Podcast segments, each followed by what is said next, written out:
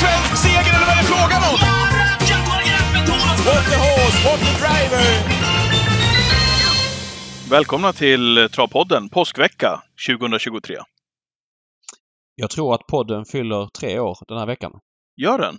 Ja, vi första avsnittet var ju påskveckan 2020. Eh, vet jag. För då vi hade Uff- Uffe Olsson och han hade ett par styrningar där på V75 Romme på söndag. Jäklar vad fort det har gått. Ja, faktiskt. Tre års 140. poddande, vad roligt! Ja. Vad, eh, vad ska du göra i påsk? Jag ska bara vara hemma. Jag älskar påsken. Den, det är ju en högtid. Jag, jag älskar, för du älskar ju alla högtider David. Du kör alltid den här, Ja. jag älskar julen, jag älskar Ja, påsken. det är möjligtvis att jag säger det men, men påsken är favoriten. För dels är det ju där det ligger årstidsmässigt. Sen så är det ju väldigt låga förväntningar på påsken. Det är ganska sällan det är liksom på påsken ska man åka hem till dem eller träffa dem. Utan man kan vara hemma, ta det lugnt. Det är jättemycket bra sport på TV. Det är jättemycket bra trav på TV. Så att ja, låga förväntningar så tar man någon spontan middag, spontan påskmiddag här i närheten. Det är Ja, vad vi gör. mysigt. Vad, Ja, vad, vad gör ni? Nej men det, det är samma sak här över påsken. Det är ja, men, inga förväntningar alls. Vi åker på lite ponnytrav på Sundbyholm på fredag. Vi ska på ponnytrav nu på måndag också på, på Hudiksvall. Men däremellan så är det relativt lugnt. Nej förresten, jag ska till Eskilstuna igen eh, på söndag. Då, då hoppar min äldsta dotter. Hon tävlar med i, i ridning, eh, hoppning. Så att det, Ja. blir, det, blir, det blir mycket familjeaktiviteter. Men vi hade väl tänkt att fredagen och lördagen kanske nå lite mys med lite påskmat i alla fall. Då Ja, i, härligt. i all enkelhet. Du, jag såg att Daniel Rydén har börjat anmäla på nu. De är, de är på väg ut, hästarna på, på banan. Har du sett det? Jag har sett det. Ehm, jag satt och funderade på, jag tror jag frågade dig för någon vecka sedan också, hur, hur statusen med Bengan. Har du hört någonting om någon comeback där? Nej, eh, ingenting. Utan eh, du får fråga Redén höll jag på att säga. Men eh, alltså så här, Redén eh, går ju efter sitt huvud sådär. Jag, han vet inte själv helt enkelt. Alltså jag, jag eh, känner ändå honom så pass bra att jag inte liksom behöver hålla på och fråga utan han får en känsla när han känner att hästen är redo och han har liksom inte planerat någonting. Uh, ja, eftersom det är ju, han har ju väldigt många fyraåringar som ska liksom helst undvika att möta varandra på ett sätt som gör att han kan vara med i nästan alla stora lopp. Och nu hade han då Ante Larocque ute här tidigt i Margareta-serien och eh, nu så är Peruculum och ett par till ut och sådär. Så att Bengan tillhör ju tillsammans kanske med Santis Harvey eh, de två som är svårast att matcha på så sätt att de har mest pengar på sig och Just kommer det. få möta de bästa Ja. och har sina största lopp i höst. Mm. Utöver derbyt och Breeders som dessutom är framflyttat nu till mitten av november så går ju Europaderbyfinalen på, på Solvalla. Nu är det väldigt svårt att kvala in dit men att den går på Solvalla gör ju att det franska intresset minskar något och det svenska precis. ökar något. Så att Mm. Det är en liten, eh, liten trumfkort om man har en fyraåring som möter de bästa. Sen är det såklart fortfarande svårt att kvala in så att med, med de aspekterna så Ja, jag tycker det känns bra att, eh, han, att han inte har startat än men, men Ja. hade Redén känt att han är redo så hade han fått starta. Då hade det varit kul men Mm. det blir ju väldigt långa säsonger om man ska gå ut, ut liksom i, i mars och så har vi Breeders då mitten på Såklart. november. Eh, anledningen till att jag frågar lite grann också är ju att, eh, förutom att vi tycker att det är kul att göra den här podden, annars hade vi inte hållit på nu, vad sa du, i tre år, eh, Mm, är ju mm. också att vi har väldigt många lyssnare eh, som uppskattar att lyssna. Stort tack till er än en gång som lyssnar varje vecka. Ni är väldigt många som gör det. Vi är glada för det. Eh, och då tänker jag på det här med hästägande lite grann. Nu har ju du fått Bengan som Ja, men i, i din regi lite grann tillsammans med några, några polare också. Men innan dess så har du också haft hästar som inte har varit av samma eh, framgång, eh, i, i samma framgångsfack som Jag Bengan har har haft varit. häst med dig. Ponderosa Face. Ja, till exempel som jag har kvar nu, som, jag, eh, som vi har kvar i familjen. Eh, Mm. Och som vi fortfarande har kvar som fölmärge. ju. Ja. är ju mamma till Juvraj förresten, som vi har hos Daniel Rydén. Och Som även till... en fin häst. Det är en fin häst. Och även till Lovely Niche som, som är hos Oskar J. Andersson, veckans gäst förresten. Mm. Eh, som kommer om en kort stund. Ja, men då tänker jag så här också. Det är många som lyssnar på den här podden. Eh, vad kan vi göra i den här podden, David, eh, för att få folk att nappa på det här med hästägande? För det är ju sjukt kul, även om man inte har hästar som Bengan. Ja, det är det. Uh, nej men ja, alltså det är svårt uh, att säga. Jag tror ju att folk får upp ögonen för att äga häst genom att gå på trav och vistas på stallbacken. Att få närheten till hästarna. Det tror jag kan få folk att vilja äga häst på ett annat sätt än kanske om man sitter hemma framför soffan och bara spelar på trav. Eh, eh, eh, får du träffa hästen, vara i stallet och så vidare, då får du ju ett face på fakturorna du betalar. För det är ju dyrt att äga häst, det ska vi säga. Men också väldigt kul om man har dem hos en tränare man trivs hos, man har en bra dialog med och man kan åka ut och titta på hästarna ibland och sådär liksom. Så att, eh, men det, där går det ju också att hitta olika sätt att äga häst. Jag har till exempel, vi har, vi har Cigars Eagle Owl som vi gjorde till andelshäst, 20 andelar. Eh, mm. Jättemånga som jag fick med eh, på tåget genom att vara första gångs hästägare i, i andelar. Och så ja. har vi några stycken, vi köpte två föl som var välstammade här för några år sedan. Eh, från Lena Martell på Gotland. Och då fick jag med några som inte har varit med och ägt häst, men som har ja, men inga problem med ekonomin. Och så var de med och blev hästägare. Så det går ju liksom att hitta olika koncept för olika målgrupper så att säga. Det finns de som har pengar och som kan vara lite färre. Och så finns det de här som kanske sitter och lyssnar på våran podd som aldrig ägt en häst, men som gärna går ihop 20 pers.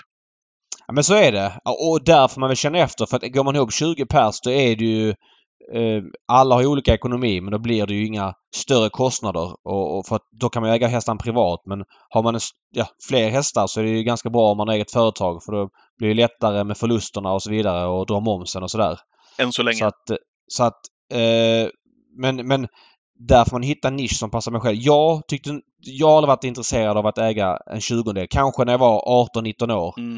Eh, men, men sen har jag liksom ändå känt att ska jag ha häst så ska jag kunna men jag har 25% i pengarna. Det tycker jag är perfekt. För att jag är med på uppsidan om det blir liksom ja, någonting. Om det, om det händer in... lite grann på intäkterna. Ja. Då, då märks ja, det Han, han sprang in 2 miljoner i ett lopp. Alltså utöver efter provisioner och så vidare så blir det väl ungefär ja, men, lite över 400 000. Det är ändå en, en peng som känns. Eh, hade jag haft en tjugondel, ja då blir det lite mindre än 50 000. Ja, det är klart att det är bra men det blir ju inte den här superuppseendet och du måste ju i princip få fram en grym avelshingst för att det ska kännas. Mm. Så att, eh, nej, eh, det, det, passar mig men därför är folk olika. Vissa vill ju bara liksom kunna gå ner i stallet och säga hej och sådär och en tjugondel och det är jättebra. Så att ja. man får nog hitta en nisch som passar. Eh, vi kanske, vi kanske får fundera på den David framöver här om vi ska lansera Travpodden-hästen eller kanske till och med Twitch-hästen. Vi kanske ska vara ja. ett gäng som, det är ju det är ett härligt gäng som är med varje lördag också och, och um, hänger med i våra sändningar där. Kanske det är någonting ja, att fundera på framöver. Verkligen. Så att vi får in mer folk i sporten helt enkelt. Jag bara säger det att jag vill ha 25 procent i så fall. Så ja, du, du brukar göra Då är det 75 över så folk göra vad de vill med ja, det. Liksom. Exakt. Ja, men det, det, är så du jobbar också när det, när det finns tre andelar kvar på Twitch-systemet. När du säger ja, jag fick tag i tre, hur många fick du tag i? Säger du till mig. Nej, ingen. Nej, ledsen. Får jag köpa en? Nej. Nej. Nej. Nej, så är det. Ja, det är bra. Vi får fundera på den framöver helt enkelt. Ja, men absolut. Eh, Okej. Okay. Nu har du, väckt en björn här som sover, känner jag. Ja, men vi ska in med mer folk i sporten som får eh, fler att få upp ögonen för som, som hästägare helt enkelt. Sjukt trevligt. Ja, ja håller med. Eh, reflektion från lördagen, V75. Jag hade eh, en som jag skrev ner. Jag, jag, var faktiskt, det var första V75-dagen jag inte följde extremt intensivt. Jag såg givetvis loppen live, men jag var på en släktträff med min sambos släkt i Köping. Mm. Så jag såg loppen via mobilen, så jag var inte helt inne i tävlingsdagen sådär så att man hör allt surr och hör alla intervjuer mellan loppen och sådär. Hur var, eh, hur var träffen? Var, hur var träffen? Var, två plus, två plus upplevelse? Vadå? Att? Träffen. Ja, den var helt iskall. Men eh, eh, som väntat, men man får ju ta såna grejer för laget ibland. Nu, är mycket, mycket veckor här framöver där man vill kunna gå på trav och göra andra saker. Då är det bra om man har den i andra vågskålen, att man är med på den där släkt, släktträffen.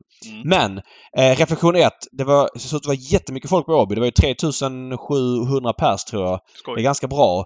Eh, det kan man jämföras med Solvallas V75-finaler som hade 2200 där i slutet på eh, mars. Då kan man då säga å ena sidan så, Det, det kan så... man jämföra med, med, med V75 ska köras nu på Solvalla nu på lördag också.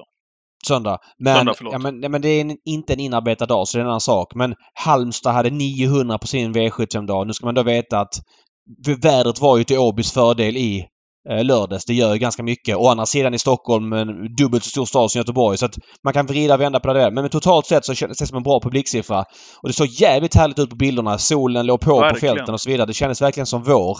Uh, och, och, ja, men jag fick lite feeling helt enkelt. Uh, det kändes som en bra fart i loppen på ett sätt som det inte varit på vintern.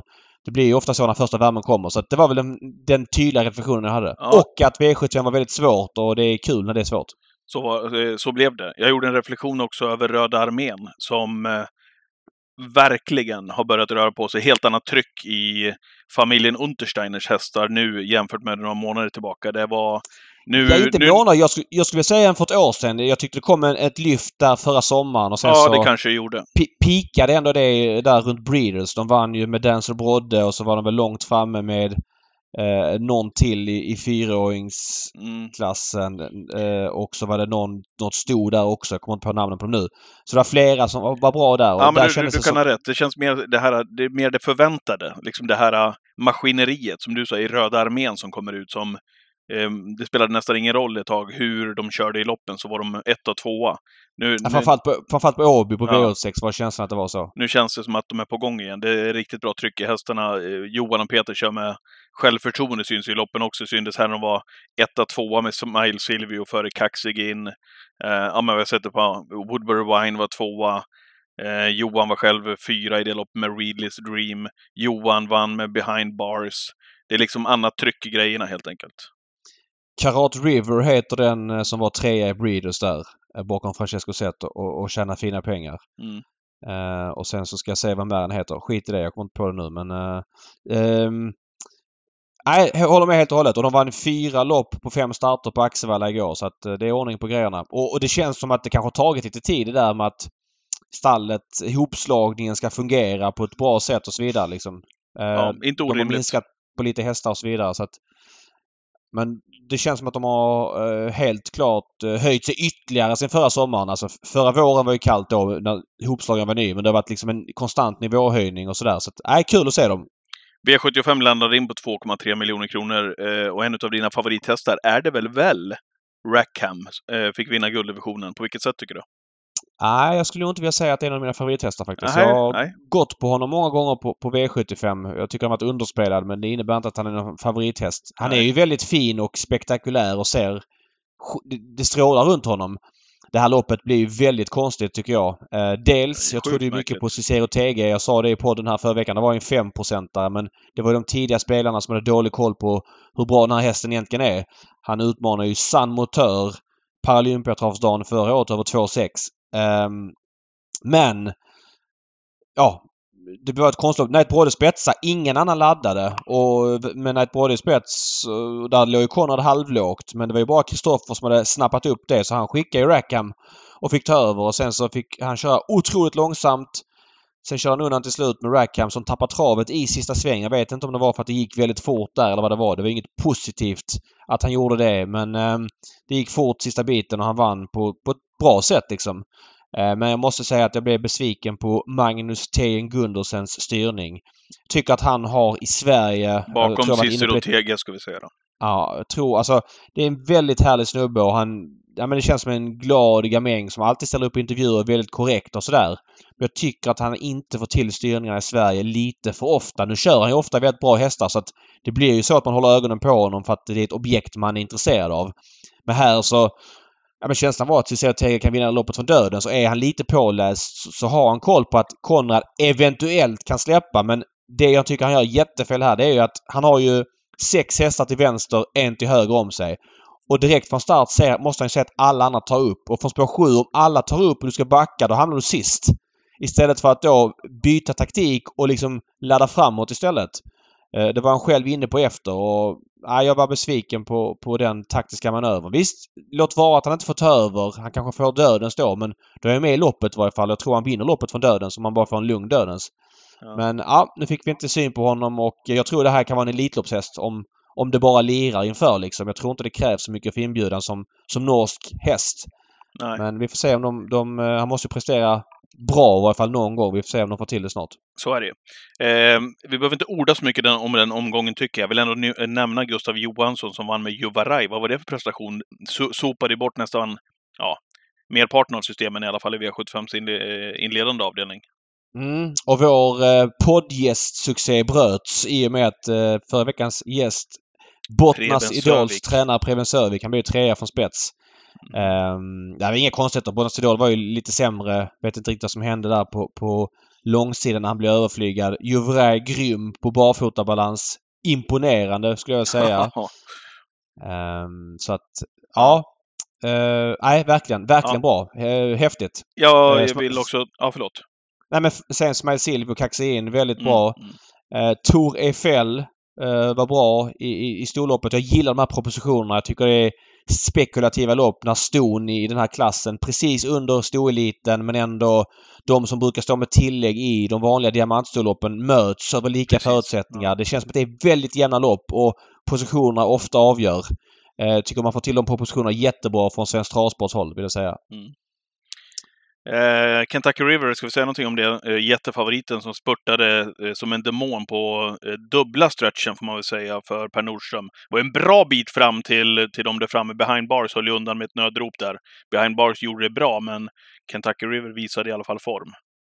Ja, det gjorde han. Eh, Per Nordströms hästar är ju ofta väldigt bra direkt, behöver sedan lopp i kroppen. Så att vi får se lite grann hur Mm. utvecklingskurvan blir här framöver. Men det går inte att gnälla på intrycket här i årsdebuten. Uh, ja, han blir en faktor här i silverfinalen under Elitloppshelgen. Ska säga det också att eh, Special Chance, va, heter hästen, va? Vann Ja, V75 sjätte avdelning tillsammans med Hannu Torvinen. Och så gick ju jag på fyra av fem system ish på Keystone Cash i den sista avdelningen eh, som jag tyckte var alldeles för lite spelad. På V75 eh, fick ju se sig slagen, knappt slagen av Friend of Elves som hade väl lite flyt där också när Leroy Boko galopperade, kom ut där också i perfekt läge och kunde fånga in en Ja, men man får väl ändå ge han att han var tapper, Keystone Cash. tapper igen Keystone Cash medan Friend of Els gick första barfota, första bike och första... Eh, inte första men Magnus A. Djuse eh, första gången på ett tag i varje fall. Mm. Det var ju inte en svår häst att få med om man garderade. Jag var helt iskall på V75 vill jag säga. Eh, ruskigt snett på det. Däremot i eh, streamsystemet som vi bygger på Twitchen 13.00 så Oliver vill spika Smiley Silvio och det gjorde vi. Vi fick faktiskt 16 femmor på det systemet. Det är lite surt att vi bränner Tore Fel på, eh, Tore Fel på fyra hästar för att annars Mm. hade det blivit riktigt bra på, på, med fyra sexor. Men nu blev det som det. Vi betalade för Special Top Model istället. Vi hade en take på att hon Oj. kunde eventuellt få ryggledaren därifrån men det var inte ens nära. Så att, ja, så är det ibland. Så är det ibland. Yes, eh, det vad gäller V75. En, eh, en kort tillbakablick också till onsdagens eh, V86-tävlingar där också, där Admiral As eh, hade många ögon på sig som jättefavorit på V86. Ja, vad säger vi om den här eh, hästen, David? Ja, jag... För mig är det ju liksom ingenting, aldrig någonting att spika som jättefavorit och... Alltså så här, jag vet att... Jag vet vart du vill komma. Du vill halvt döma ut honom. Samtidigt men med tanke på nej. att jag har gjort det tidigare. Det, det jag var skeptisk till var ju hans Elitloppsinbjudan i fjol. Jag tycker att det är, för, det är för få prestationer. Vi kan inte alltid prata om hans kapacitet och det tror jag det tror jag Reijo känner också. Det, det, liksom, det behöver, leveransen behöver ju vara där oftare eh, med tanke på hans kapacitet. Så känner jag. Alltså, om vi backar bandet lite grann så tycker jag att den Elitloppsinbjudan förra året var helt rätt. Eh, Det är en häst som är... Det är väldigt mycket dark horse över honom. Han har en grymt hög högsta nivå. Men sen att han ska funka över två hit och sådär, det är en helt annan sak. Men jag tycker det var givet att han skulle vara med i Elitloppet förra året. Det fanns liksom inte 16 som var bättre. Mm. Däremot så är det ju... Men alltså om, om man tittar på den här hästen. Han har gjort 40 starter och vunnit 20 lopp. Tjänat 2,6 miljoner. Alltså sett i hans kapacitet och loppen de har gjort. eh, Vad, vad känns rimligt att han borde ha tjänat? Känns 8-10 Ja, miljoner? Ja, men så är det väl med hans kapacitet och det, det håller väl de flesta med tror jag. Så är det. Och insatsen han gör för tre starter sen på Solvalla den 2 november när Erik kör honom, när han vinner det där loppet från Dödens över 2,6. Det var ganska tung bana eller halvtung bana den där dagen. Det var en av förra årets absolut bästa prestationer. Nu galopperar han igen. Eh, Hästen travar ju inte i kurvorna så det är något som inte stämmer med honom. Jag tycker synd om Mats Djuse som körde honom för andra gången. Mats som också körde honom i jubileumspokalen. Då bromsar hästen sig till galopp.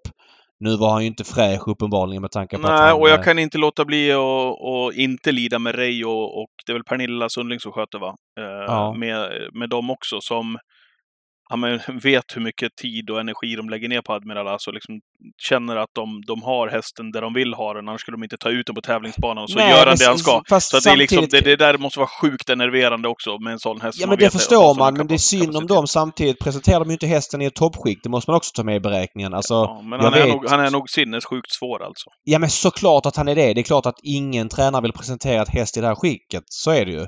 Och, och så vidare. Och, och menar, han är sju år nu liksom. För mig är det orimligt att tro att han är bättre i år än tidigare. Han har varit igång, haft en ganska tuff karriär, fått ganska tuffa lopp. Han har hållit längre redan än vad jag trodde. Den här prestationen på hösten sticker ut. Men, Ändå har han gjort få starter. Liksom. Ja, 40 är inte så mycket men det har varit många tuffa lopp tidigt där i karriären efter galopp och så vidare. Men eh, absolut inte döma ut. Den dagen han travar och funkar, då vinner han ju oftast. Mm. Så att, um, Ja, han kommer vinna, Ja, vi får se vad han fler, han, han kommer vinna fler lopp i, i karriären. Men som sagt, det är lite för lite leverans eh, och för mycket snack fortfarande. Ja, inte snack. Han har presterat på banan. Jag, jag tycker inte det. Men, men det är för mycket snack. Alltså, Så här då, det är för mycket spel på honom sett till leverans. Så är det. Så är det. Men det är bara att tacka ta emot ju. Att spelarna gör honom till 70-procentare. Men han, har, han kom ju till den här starten nu på Bergsåker. Han hade alltså tre galopper på de fem senaste i raden. Men vem spelar en sån häst till 70-procentare? Nu var jag snett på det på V86 ändå. Men det är tacksamt att såna hästar blir så hårt spelade när det liksom nästan är ja, men 40 procents galopprisk liksom. Så att, ja, det, är- det är ju som det är. Låt folk spela i så fall om de tycker Ja. det, är, det är kul. Vi nämnde Elitloppet. Vi har fått en ny Elitloppshäst också till, till eh, slutet av maj. Vivid Mm. Wise Us. Den härliga Sverigebekantingen. Eh, Vivid Vaisas som gör alltså sin fjärde Elitloppsstart. Eh, det är klart att man kan känna att ja, vi kan honom lite grann. Vi vet vad han står för. Samtidigt så kommer man inte hitta 16 hästar som är bättre. Nej. Han var grym nu när han vann Criterium de Vitesse i början på mars månad. Känns som han har vunnit det 14 gånger. Ja, ja, exakt så. Och det som skiljer nu mot de senaste åren det är ju att Lotteria numera ligger i början av maj månad. Och det är ett lopp som kan sänka formen på många hästar. Stenhårda Agano-banan, två hit samma dag.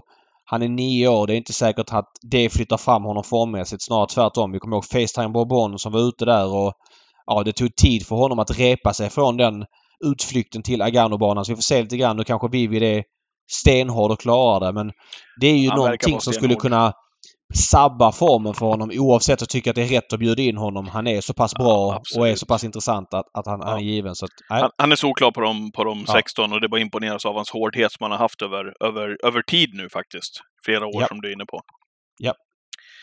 Eh, vi ska om en liten stund tänkte jag bara syna V75 på, på lördag. Vi ska gå in på, på veckans Söndag. gäst. Söndag. Ja, jag säger lördag hela tiden. Söndag Ja. givetvis. Eh, vi ska strax gå in på, på veckans gäst, Oskar J. Andersson, som bland annat ska få lägga ut texten om Reed Lavec hade vi tänkt, eh, som blir hårt betrodd nu på söndag. Solvalla är det som gäller eh, istället för min hemmabana Romme. Och Mm. Det, det var du glad över, såg jag.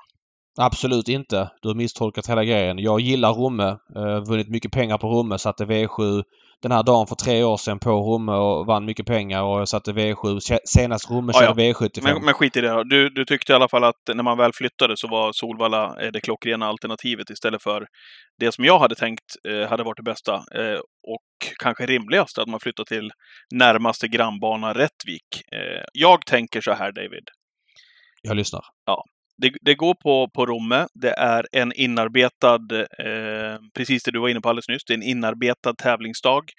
Jag vet hur många här i Dalarna som verkligen eh, bokar upp sig tidigt på den här söndagen för att det blir en, en familjeaktivitet söndagen här uppe i Dalarna på påsken. Det är många som åker hem, som är utflyttade. Det är många som ser fram emot att ha det här som sin, sin grej på påsken på V75 här i Dalarna.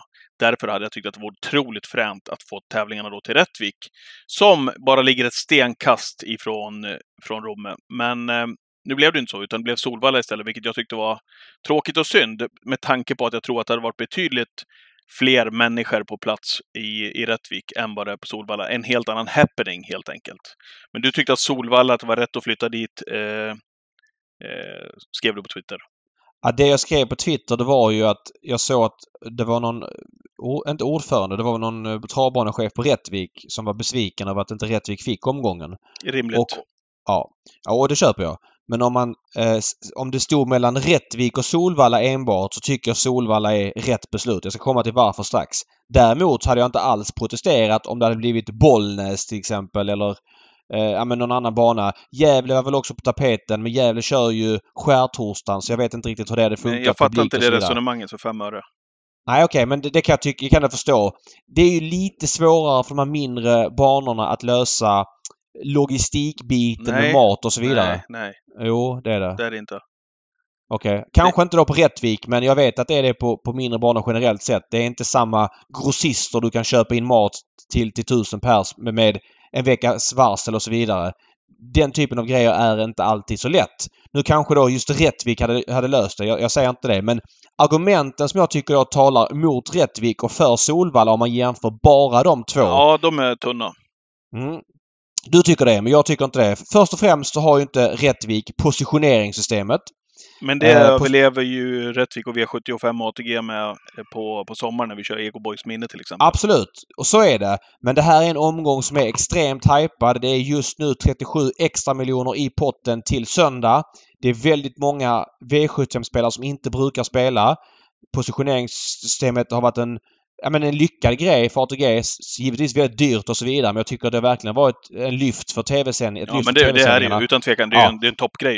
Ja, men Ja. Ja, att då välja en bana som inte har det, det är ett minus. Nästa minus är ju att Rättvik är en eh, liten bana. Det finns ju, de är ju kategoriserade i liten bana, mellanbana och storbana. Mm.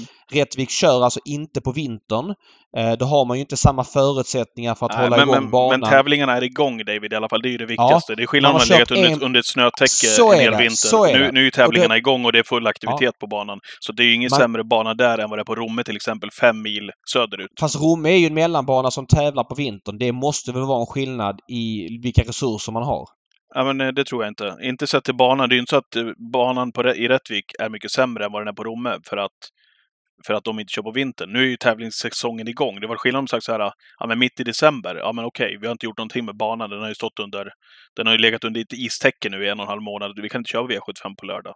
Men här Alltså- eh, hade vi ju topptävlingar, eller toppbana på normala, vanliga tävlingar här i söndags till exempel. Man kört en tävlingsdag. Det var ju söndags. Det var en breddloppsdag. Superfin Eh, bana, det är väl det som är Ja, grejen. ja, ja, men det är möjligt att det är så. Men i den här tiden på året när det är ofta stökiga banor, det kan vara tjällossning. Mm, Men det Ehm, kan det också vara i vänta! Gävle-Bollnäs som du jo, hade som men det argument. vet jag.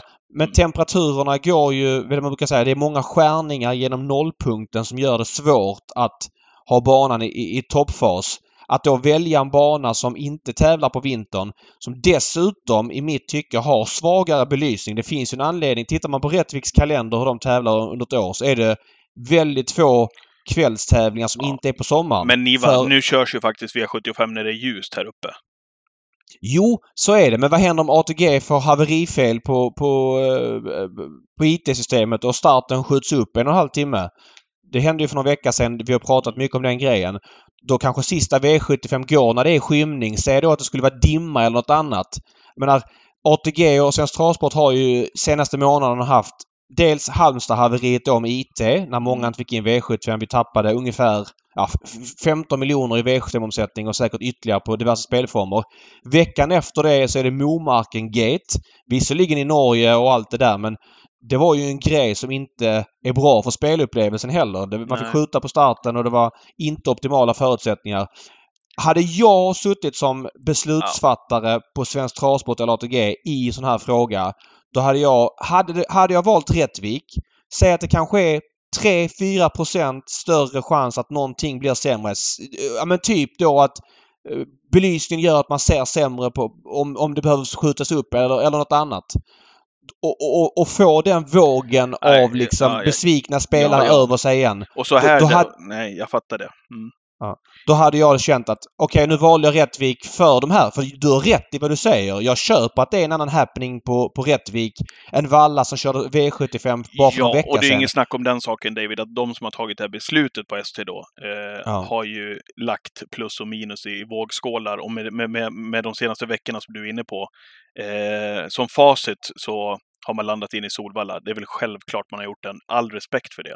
Det jag bara Mm. säger är att just den här publikupplevelsen, om man lägger det i en skål, så blir det något helt Och det- annat mot Solvalla som kör tävlingar i parti och minut. Det här är ju Ja, men liksom är en, det. en grej som hela Dalarna sluter upp vid, de här påsk... Och jag köper det helt och hållet. Det, det är en faktor som talar för Rättvik. Absolut. In, inget snack om saken. Vi kanske också ska Och- säga varför man flyttade tävlingen. Det var ju Kvarka på Romme, Ja. eh, eller är. Men jag tror, Jag- jag, jag- tror inte att det är anledningen att det är för nära heller, för då hade man inte kört tävlingar till exempel i söndags. Eh, och man hade inte liksom, då hade man ju strypt tävlingarna om man har tyckt att det var för nära, alltså av smittorisk så att säga. Ja, så det kan ju inte ligga vara. i, jag, i jag, pratade med en tränare, jag, behöver inte nämna vem det var, men jag pratade med en tränare som sa hade du kört på Rättvik så hade inte jag anmält. Så frågade jag varför då? Nej men för att det är för nära Romme. Det finns för mycket connection banorna emellan och Skulle jag... Han menar på att det är klart att risken är liten men, men säg att det är 1% risk. Skulle jag få Mm. in det i stallet, ja, Ja, då är kanske. businessen förstörd för hela året. Ja. Så att då hade man hellre avstått det. Så att jag vet inte om det kanske är... Säg att det är fem tränare som tänker så. Och jag har pratat med några aktiva och de har varit eh, för Solvalla. Men jag förstår publikaspekten och en, en annan grej som talar emot Solvalla det är ju att det är påsk. Det är ganska många som lämnar stan. Det finns risk att en sån här hypad omgång det är väldigt mycket spel i fokus. Mycket kommer att kretsa, för min del känner jag, runt TV-upplevelsen med information och så vidare en sån här omgång. Mer än kanske festen på Solvalla. För kongressen håller på att renoveras. Ska vara klart till Elitloppet. Mm. Och, och, och då är liksom de här balla alternativen lite färre. Så det finns absolut argument emot. Men, men totalt sett tycker jag att man landade rätt i att ta Solvalla framför Rättvik den här gången. Ja, och, och, och återigen, de har ju tänkt igenom det här så att det blir, det blir säkert rätt av det. Men det, det hade Ja. känts så jäkla kul tycker jag bara. Så Ja, jag kör på det helt och hållet. Springer Absolut. lite där för, för mina banor här uppe i alla fall. Då. Ja. Slå, slår ett litet slag för dem bara David. Ja, nej, jag, jag backar det jag tycker det är som jag skrev. Rättvik är en grymt härlig sommarbana. Jag har varit där ett par gånger. Tycker det är skitkul att komma dit. Men just givna förutsättningar med kort varsel och så vidare så känner jag rätt. Men ja, man får tycka olika. Det är svårt med rätt och fel men man har valt alternativet med minst risk. Så mycket kan man säga. Du hittar säkert någon bra buffé där, lite små billig, små puttrig buffé där på Valla som, nu, som folk gör, att man kommer på, på söndagstävlingarna där. Så att Ja, jag blir... får se, men jag är inte säker att jag ska åka dit faktiskt. Nej, Eh, nej. Just eftersom kongressen är stängd och eh, jag gillar att de här jackpot-omgångarna gillar jag att ha liven på. Så åker jag dit så kommer jag sitta med lurar. Men. Okej, jag trodde bara att de höll på att bygga om medan det var... Men det, var, det är inte- det är alltså inte öppet alls på söndag? Nej, nej, kongressen är stängd. Men sen har man ju bistron öppen. Eh, och, och, och där är det någon buffé då. Men jag vill gilla att sitta med lurar på och då får jag liksom ingen USP att vara på plats. För jag vill höra liksom all information som kommer. Och så är det ju. Det är ju. Där är ju banorna för dåliga på att ge spelinformation. Tänk om det varit så att man måste åka till banan för att få den bästa infon så är det ju inte för dagen. Så att Mm. därför så har jag inte bestämt mig. Yes! Eh, ska vi gå in på veckans gäst då? Ja, men det tycker jag. Eh, Oskar J. Andersson, han är med för, för andra gången här i podden. Mm, han har jättefavoriten på söndag den här multijackpot-omgången Reedy Lavec och det känns väl motiverat att syna honom längs med sömmarna. Välkommen till Travpodden säger vi till Oskar J. Andersson. Tack så mycket. Hur mår du? Bra, tack. Ja. Det är vår i luften och fick igång solceller här nu så att då får det gärna vara lite Ja, extra. det är fan inte vår i luften. Det kan du inte säga alltså. jo, men alltså jag trivs ju med att det är lite kyligt på nätterna. Sen är det ju sol var och varannan dag så att eh, det, det tycker jag nog. Sen förstår jag att ni tror att det ska vara 20 grader varmt i april här, men det... Ja, men 20 det men brukar han, faktiskt han, han, är från, vara han, har, han har från Skåne också så det är svårt att, han har svårt att... kan, kan, vara 12 grader och anständigt också men nu, just nu är det två och det ska snöa här under dagen så att ja. Vart, eh, vart har du dammat upp solceller någonstans? Är det vid stallet eller är det något? Ja, precis. Eh, ovanför där vi har fika, fikarummet då. Och kommer det försörja hela ditt stall med el eller vadå? Nej, långt ifrån, men, eh, men en del i alla fall. Och det, känns, det känns bra. Både, du vet, när solen skiner annars på sommaren, då blir jag lite så här, "Åh, måste vi vattna ännu mer? Måste vi vattna ännu mer? Men nu kan jag ändå känna att, ja, bra, nu, nu är det i alla fall solcellerna som får jobba lite. Så att, och så får jag vattna ändå då. Men eh, det liksom, då blir det i alla fall glädje oavsett vilket väder det är. Regnar det, då behöver jag inte vattna. Procentuellt hur mycket el av förbrukningen kommer solcellerna stå för? tror 40 eh, det vi kommer upp i nu och så om vi kan fylla på lite till sen så kanske vi kommer upp i 55 procent ungefär tror jag. Mellan tummen och peken, vad kostar det att installera solceller? Ja, alltså det beror såklart på hur mycket, hur mycket eh, man Hur sätter upp dem. Men om, om Ja. jag ställer frågan så här då. När har du tjänat in det du fick lägga ut eh, på solcellerna i form av mindre elräkningar tror du? Om det fortsätter att se ut som det gör nu så tror jag vi, vi gör det inom en 8-9 år. Men det kan vara snabbare också beroende på, det kan ju såklart ta längre tid. Ja. Beroende på vart tekniken landar och vad, hur de gör med elpriser och annat. Ja, hur som helst så är det ju bra ur miljösynpunkt. Ehm, vi ska släppa solcellerbiten. Jag vill höra din take på följande sak. Sol, V75... solcellerpodden! Ja. Nej men V75 skulle avgöras på Romme i, på söndag. Eh, man ställer in i god tid. Vi har debatterat det här jag och Patrik lite grann innan du kom in. Du är aktiv. Vad är din take på att man flyttade och att man flyttade till Solvalla? Ja, nu har ju inte jag en aning om vad ni har sagt, men, men det känns väl inte helt fel. Eh, vart man flyttar och, och hur, hur man gör av det, det, det, är väl, det får väl vara upp till de som jobbar med den biten. Men eh, det känns ju helt rimligt med tanke på, på utbrottet som har varit på Rommetravet, eh, tycker jag i alla fall. Det är en väldigt allvarlig sjukdom med kvarkade. Men i leken fanns ju Rättvik som ligger sex mil bort. Eh, man kan ju argumentera för att eh, V75 borde stannat i Dalatravet men på Rättviks... Det blir ju nästan som årspremiär. Man körde en bredloppsdag i söndags. Man har inte samma resurser för att... Jag ska inte säga att man har mycket sämre resurser men, men det är ju många brytningar genom nollpunkten så här år så banan kan bli stökig. Det är en eh, omgång med väldigt högt spelintresse och det finns ju ett samband mellan Romme och Rättvik, närheten där. Eh, Jag vet inte, skulle det vara en faktor att man inte vågar, skulle våga åka till Rättvik för att det är för nära Romme och om någon häst har varit på båda ställena eller det är inget Nej, man men tänker det, på? det, får jag bryta in här? Oskar får komma, komma sin take. Vi har ju pratat om det här tidigare, men just vad gäller den aspekten så är ju om det hade varit ett argument så hade man inte kört tävlingar i Rättvik i söndags till exempel. Nej, nej, men, precis. men, det, nej, nej, men- det, det, men- precis. men det kan ju vara ett argument för att folk inte ska anmäla dit för att de är rädda menar jag. Ja, men nej, det, det skulle jag absolut inte kunna tänka mig. Eh, utan det är ju, som du säger, det är väl troligare mer att man eh, vill känna sig trygg med, med att det blir så bra tävlingar som möjligt. Eh, sen vet jag inte hur det hade påverkat anmälningen om... För folk visste ju om att det blev Solvalla innan anmälningen gick ut istället för någon annan bana då. Eh, Rom eller om det nu hade varit pratat om Rättvik. Men jag tror inte det hade spelat så stor roll heller. Jag tror att det hade sett ungefär likadant ut i anmälningslistorna. Men du är fine med det helt enkelt? Att Ja, för mig blir det ju ingen, ingen direkt skillnad. Nej. Får jag, får, jag, får jag ta nästa fråga David? Ja, varsågod. Hur mår travtränaren Oskar J Andersson? Alltså, tränaren Oskar Jensson mår bra. Eh, det, ja, vi har ju ett uh, välfungerande företag nu. 70 hästar på listan! Ja, det känns, nej, det känns bra. Du, har du tänkt på det Patrik? Oskar har ju en fyraåring på sin träningslista som heter Bengt. Ja, jag, jag såg det. Den skulle väl starta nu också va? Mm. Mm. Startar, vad, tänkte eh, du då? Nej, men apropå att Bengan är också fyra år. Det är ju ganska snarlika namn, tänkte jag. Ja, det är verkligen. Eh, hur är det med Bengt? Det är ett alter ego nästan. Då. Det är, bra- det är bra tycker jag. Eh, imponerade ganska stort eh, vid en, eh, vid en seger i fjol där tycker jag. Och eh, det blir spännande att se om han kan få ordning på allt här under den här säsongen. Är det, träningsantal du, du är uppe i nu, 70 hästar här, är det, liksom, är det någonting som du känner dig bekväm med? Ja, jag har väl ganska mycket satt stopp där. Det är klart att vi försöker, kommer att till och med sänka lite här kommande månad, mån, två månader eh, för att göra lite mer plats för unghästarna. Då. Och, eh, men eh, 70, det är väl det som jag har tyckt och tänkt att gården är, är byggd för.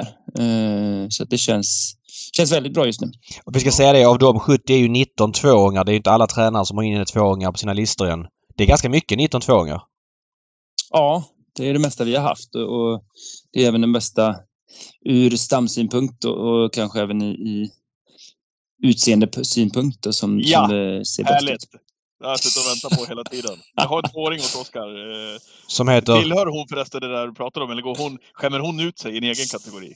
Ja, jag får gå ut och kolla hur, om hon verkligen är så snygg. Men, Är det nej, Love... hon, Vem är det? Hon är härlig. Lovely. Nej. Lovely Nisha heter hon, efter Ja. Love You. Ja, en stor, stor fin och, och korrekt test. Så det- där hade du tur. Extremt Ja. mycket franskt. Vi har Lavio som pappa och sen har vi Kiss Français som uh, morfar. Mm. Får man ta Jobbar. fram sina, eh, fransk, sina små franska kunskaper från skolan sen. Vågar man Ja. säga att det inte blir en tidig häst den här? Eller det kanske man inte vill säga redan nu? La... Nej, alltså det beror ju lite på hur generna har slagit. Det är inte alls eh, säkert att det, att det blir så, även om det, det gamla, eller jag får, om jag får säga det gamla tänket, är ju att franskt är sent, men det, det stämmer ju inte riktigt på Nej. samma sätt Men, längre. Ja, men just Love You är sent ju. Mm. Nu pratar ni mun på varandra. Ja, Ja, just Lavio är ganska sen. sen. ja, jo, men det finns väl, ja, jo, men jag tycker ändå på något märkligt sätt att de har blivit tidigare. Det kanske är med att de har avlats på ett annat sätt eh, sista fem, sex åren, sju åren. Ja. Eh, hur- hur ser-. Hur... Vad sa du? Vad spännande det låter, sa jag. Ja. Ja. Hur ser du på din rörelse? Eh, Du, du, hade 5,2 miljoner inkört 2021. Eh, 4 miljoner 2022. En liten dipp där. Eh, du ligger på 1,119 än så länge. Ja, vi fick ju en, eh, ett avbräck i fjol eh, i, under ganska mycket högsäsong och när många hästar var på väg in i form så fick vi en sjukdomsperiod som gjorde att vi... Ja, det bromsade upp helt enkelt. Eh, men eh, var ju ändå med i kriteriet med My Dreams så var ju med i ett par andra stora eh, lopp och sådär. Men, men tycker att vi hade lite otur med V7. Det, det studsade lite fel. Och, och ja, nej, det var, det var väl okej, okay, men inte, inte vad vi hade förväntat oss. Jag förstår. Du, har, du siktar gissar jag på att slå rekordet från 2021 på 5,2 miljoner inkört. Ja, men precis. Eh, det får ju vara målet i år och sen så, så hoppas jag att vi ska kunna ta det där riktigt nästa steget eh, till framöver efter det sen då, om man säger så. vad är nästa steg? Ja, vad, skulle du säga är nästa steg? Liksom, är det att vinna mer på V7 eller vara med kanske mer i unghästlopp eller både och? Eller? Ja. Ja, men det är klart att det är, det är de två sakerna som det, det egentligen eh, i grund och botten handlar om. Men, men att vi liksom levererar och kanske hittar en, en eh, rakare linje i att man... Eh, eh, jag skulle gärna ha två, tre, fyra bra hästar som tävlar i Frankrike under två, tre månader på, på vinterhalvåret och sen eh, att man satsar på Sverige klart eh, tydligare under den andra delen av säsongen då och eh, att vi ja, men har runda slänga 15, eh, 20 unghästar just nu då tvååringar men till kommande ettåringar och eh, eh, att det hela tiden rullar på det viset och att vi har ungefär den storleken vi har. Så att nej, vi höjer kvaliteten och, och tävlar på en ännu högre nivå helt enkelt. Ja, vad kul. Du, hur många år har du varit proffstränare nu?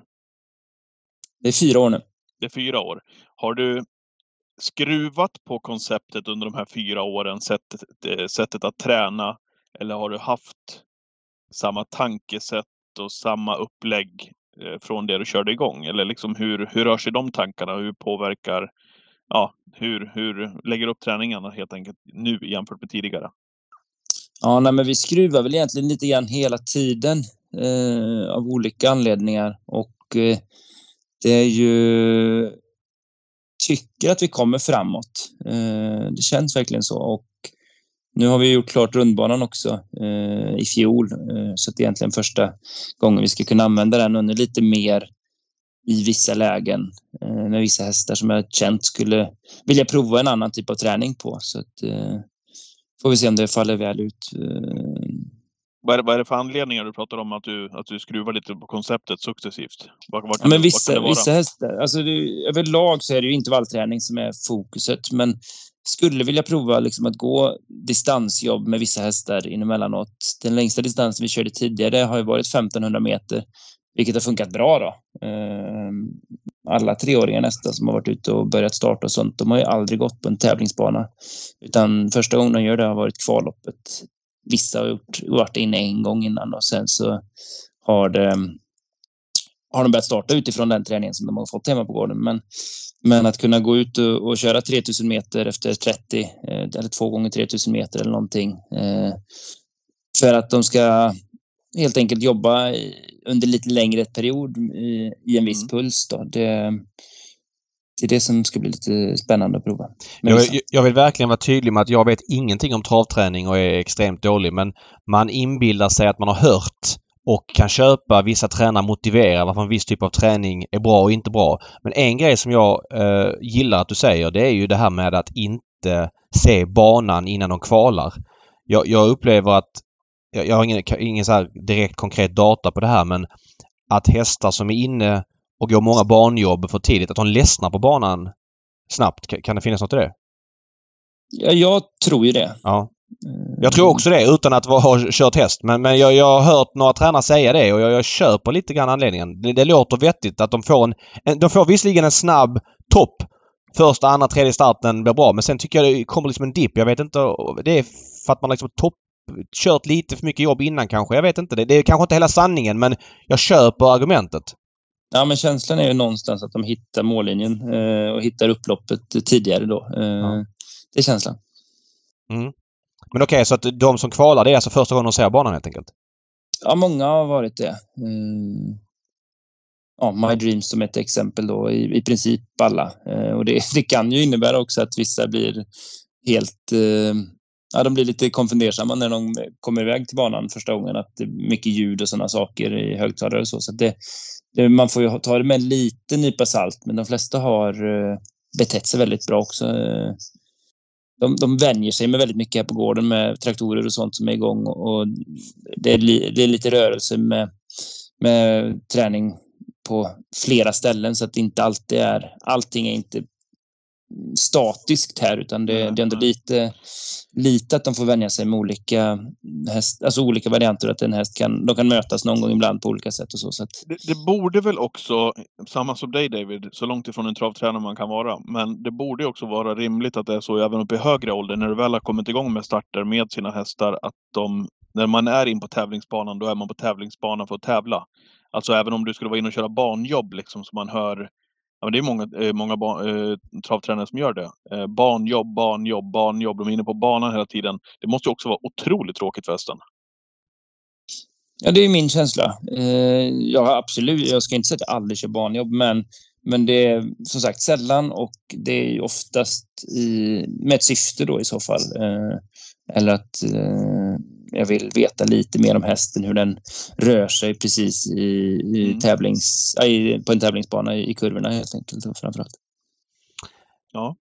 Um, du annonserade här Patrik att du behövde gå om en stund. Ska vi gå in på Real Lilla Veck eller? Eh, nej men det är, det är lugnt. Vi, vi, har, vi har några minuter. Vi kan gå in på Real Lilla Veck i alla fall. Ja, för, för, att, för att det är ju en superomgång på söndag. Jag vet inte, nu är det ju många dagar innan söndagen Eh, jag vet inte Oskar, som aktiv känner man av att det är en sån här spelmässigt hypad omgång? Du har ändå varit med några gånger tidigare. Uh, ibland absolut. Uh, inte än så länge så mycket. Uh, men det, vid tidigare tillfällen så har det absolut varit skillnad vid sådana tillfällen. Ja. Och den här rundan kommer du ha en av omgångens stora favoriter som det känns på förhand i Reed Lilla Väck. Eh, vi, vi, jag kommer dissekera honom verkligen här nu eller backa bandet och så vidare. Hur, vad tycker du statusen är på honom? Är du nöjd med utvecklingskurvan ändå? Han har ändå debuterat i guld och vunnit i guld. Vunnit på lång distans i Frankrike. Varit med i tuffa sam sammanhang. Det känns som att han är otroligt allround men ändå fortsätter utvecklas. Ja, det är nog att sätta orden på, på mina tankar också kring, kring honom. Så att han, han verkar kunna allt och han verkar ta åt sig positivt av allt och han verkar älska att vara tävlingshäst. Och sen så gillar att resa och han verkar ha alla de här bitarna. Eh, svensk voltstart är han lite dålig på, tyvärr. Men eh, annars så, så kan han allt. Han har bara galopperat en, en gång i lopp och det var just svensk ja, voltstart. Ja, han behöver väl inte vara så vass på det heller, tänker jag. Med, med den klassen ja, två, två gånger, två gånger senare. I den klassen han är uppe i just nu också. Och hur startsnabb han nu är bakom startbilen, så det, det känns väl inte som något issue, va? Nej, och sen man, eh, han har ju tydligen kontakter inne på um, lottningen, spårlottningen också, så att eh, det är också bra. ja, ja de, de kontakterna skulle man ha. Ja. Eh, om vi pratar distanser för honom. Han har ju vunnit eh, två gånger på kort distans. Men de flesta segrarna är över full väg. Men även vunnit över 2,6 på V75 årgäng och vunnit nere i Kangsumer över 2925 meter. Om du får peka ut en distans som är bäst för honom, vad skulle det vara? Säger nog 1600 faktiskt. Mm. Det har inte visat det än bara riktigt. Men är det för att han är startsnabb och därmed att det är en fördel? För känslan är att hästar som är snabba ut och ofta körs i ledningen, de blir väl med åren lite kanske sprinterbetonade och sådär. Men om man inte laddar iväg honom så, så ser inte jag honom som en distanssvag häst om man får spurta till slut istället.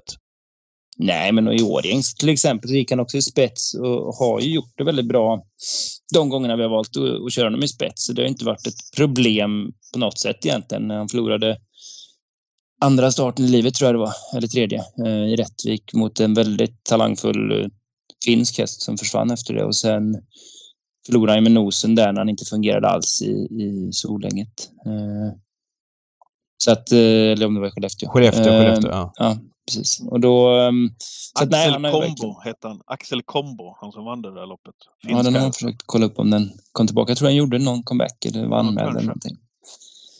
Uh, nej, så att uh, han... Um, han har verkligen visat att han hittills, nu har han inte gått extremt många gånger i ledningen och liksom inte gjort extremt många starter heller. Så att vi, vi får, jag har inte fått se om det, om det kommer något av det som du nämner där David, liksom att de kan bli lite till åren med att gå i ledningen. Men eh, man ser ju sådana som Chapuis och sådana som verkar inte ge upp det där heller alltid. Men det kan komma tillbaka nästan ibland. Ja, ver det, verkligen, det håller jag verkligen med om. Chapuis är ett bra exempel på det. Um... Men, eh, nej, det, det beror, ju, beror ju på många faktorer och det är klart att det, det vanligaste är att de blir lite svagare i, i det eh, med åren. Men, eh, men hittills, eh, hittills har jag inte visat något av det. Om vi backar då till den här årgängsstarten förra sommaren. Eh, 2-6 från spets. Han gick 12-8 då. Visserligen sommarförutsättningar och allting men gick ändå undan på ett bra sätt den dagen. Minns du, kände du då för att Ja, men kände du där att, att 2-6 inte var några problem eller kände du att att det var lite, jag ska säga nödrop är fel ord för du vann ganska säkert men du fick vara på honom lite grann. Vad var din känsla där sista hundra? Minns du det? Ja, det var att vi var på Åring och det var väldigt mycket publik och jag tänkte det här måste vi nog hålla undan för den Oracle Time när han kommer där. För det, så det var, jag tror att Reed var betydligt tryggare än mig, 100, 150 kvar. Okay. Så att det, var, det var nog ganska lugnt. Och, nej, det var ju Frankrike har ju varit med i tankarna länge för att han har ju känt som en, lång, en långdistansare eh, på det viset. Eh, men med tanke på att startsamarbeten kom så är det klart att eh, jag tror att han kan hålla väldigt hög fart på ett 600 meters lopp liksom, eh, här i framtiden. Vad har han i sig? Ja, men 09 tider i, på sommaren. Det skulle vara konstigt att säga att han inte har det. Eh, Sen vad, vad det innebär, liksom det, jag ska inte säga att alla kan springa 09 men, men det, är, det är faktiskt rätt många hästar som kan göra det nu för tiden eh, i ett lopp. Liksom. Sen, sen ska man ju helst vara först i det loppet när man kör de tiderna. Då. Eh, ja. Men det, jag hoppas och tror att han kan det. Om vi spolar fram bandet efter den här åringsstarten så var han ju som du säger stor favorit på V75 Skellefteå den 1 oktober förra året. Då hade han inte startat sen jubileumspokalen innan det. Eh, att han jag ska inte säga att han väck in årorna, men att han torskar från spets den dagen. Var det lite avsaknad av lopp? Var det din känsla? Nej, eh, det var, han var inte på topp helt enkelt. Eh, han borde ha varit bra, men, men var inte det. Eh, fungerar inte alls i aktionen. Kunde inte...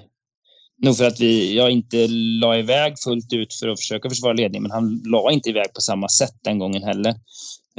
Som han har gjort, ja, som han gjorde i Bollnäs och, och i Åring bland annat då, eller ja, även i jubileumspokalen. Mm. Och han, han, han, var ju inte lika fin i, i provstarterna i, och uh, fungerade inte i svängarna. Så det var med ett nödrop egentligen kanske att vi tog oss runt den dagen. Och det var ju samma sak året innan när han var tvåa i British Crown. Försök i Dannero kanske. Nej, inte Dannero. Solänget. Sol, ja, det var, då var det Solänget. Ja. Och det var ju väldigt hårda banor de gångerna. Eh, båda de Norrlandsstarterna. Eh, om det spelade roll eller inte. Men eh, vi har även hittat eh, ja, ett problem som vi har eh, löst i, i hoven på honom. Eh, som man har haft med sig lite grann. men som man inte haft problem med sen efter den starten. Okej, okay, så, så, du tror det, det kan ha varit anledningen? Kombon hoven med hårda banor, att han var sämre i Skellefteå till exempel? Ja, precis. Senast då gulddebut på, på Mormarken då han varit nere i Frankrike eh, och gjort två starter. Det var gulddebut senast men loppet blev ändå man säger att det blir konstigt. Det var ju konstig bana den dagen och det var ju Stole Show kördes knappt och så vidare. Men kände du, vad kände du i honom den dagen? Han hade väl till och med tre starter i sig från Frankrike? Tre till och med, förlåt. Ja, mm. stämmer. Nej, men det, var ju, det, var ju inget, det blev ju inget lopp som sagt. Det blev ju väldigt knepigt. Eh, jag använde lite fransk eh, taktik under loppets gång trots att det bara var 1600 meter. Så vi gjorde om det till ett typ 900 meters lopp istället. När, det får man ändå tacka hans egenskaper för att uh, han är så startsnabb då så att jag kunde kort efter start göra ett beslut i hur vi skulle lägga upp det och kunde ju täcka position och, och köra otroligt långsamt fram till, till ledningen då och det gjorde att det inte blev något lopp av, av det. Uh, hur, hur känns han efter det loppet? Ja, men bara bra. Eh, det är ju egentligen var det ju det här loppet som vi, vi liksom siktade emot. Eh, det var ju inte det var inte loppet i Norge som vi siktade emot utan det var ju det här så att eh, jag hoppas och tror att det ska vara det har gått enligt plan. Eh, vilken dag förresten i övrigt på Momarken. Det vart ju seger med Infinity Sisu också.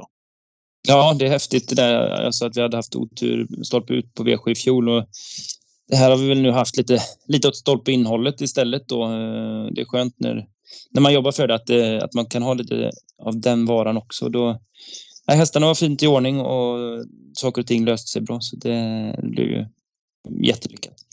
Eh, I vilken matchningscykel har du honom nu? Är det det här han ska vara på topp eller är det eventuellt i Elitloppsserien om man kvalar in till den silverfinalen? Eh, han ska vara på topp. Vad tänker du där? Ja, förhoppningsvis kan ju kunna eh, vara på topp både i, i mitten, börja mitten av april och i slutet av maj. Eh, det tycker jag nog att han normalt sett ska klara av. Så att, eh, nej, meningen är att han ska vara riktigt bra nu. Hur ser du på söndagens uppgifter? Jo, men det är ju det är lite, mm, vad ska man säga, svårlöst. Alltså det är inte svårlöst hur taktiken ser ut. Det är ju, den är ganska given att försöka ta sig ledningen och köra där och försöka vinna loppet. Då. Men, men hur det liksom ser ut i övrigt var några som gör årsdebut och eh, några som liksom eh, lite några som kanske har lottats till lite knepigare lägen av de värsta motståndarna också. Så att det, det, nej, det känns ju bra.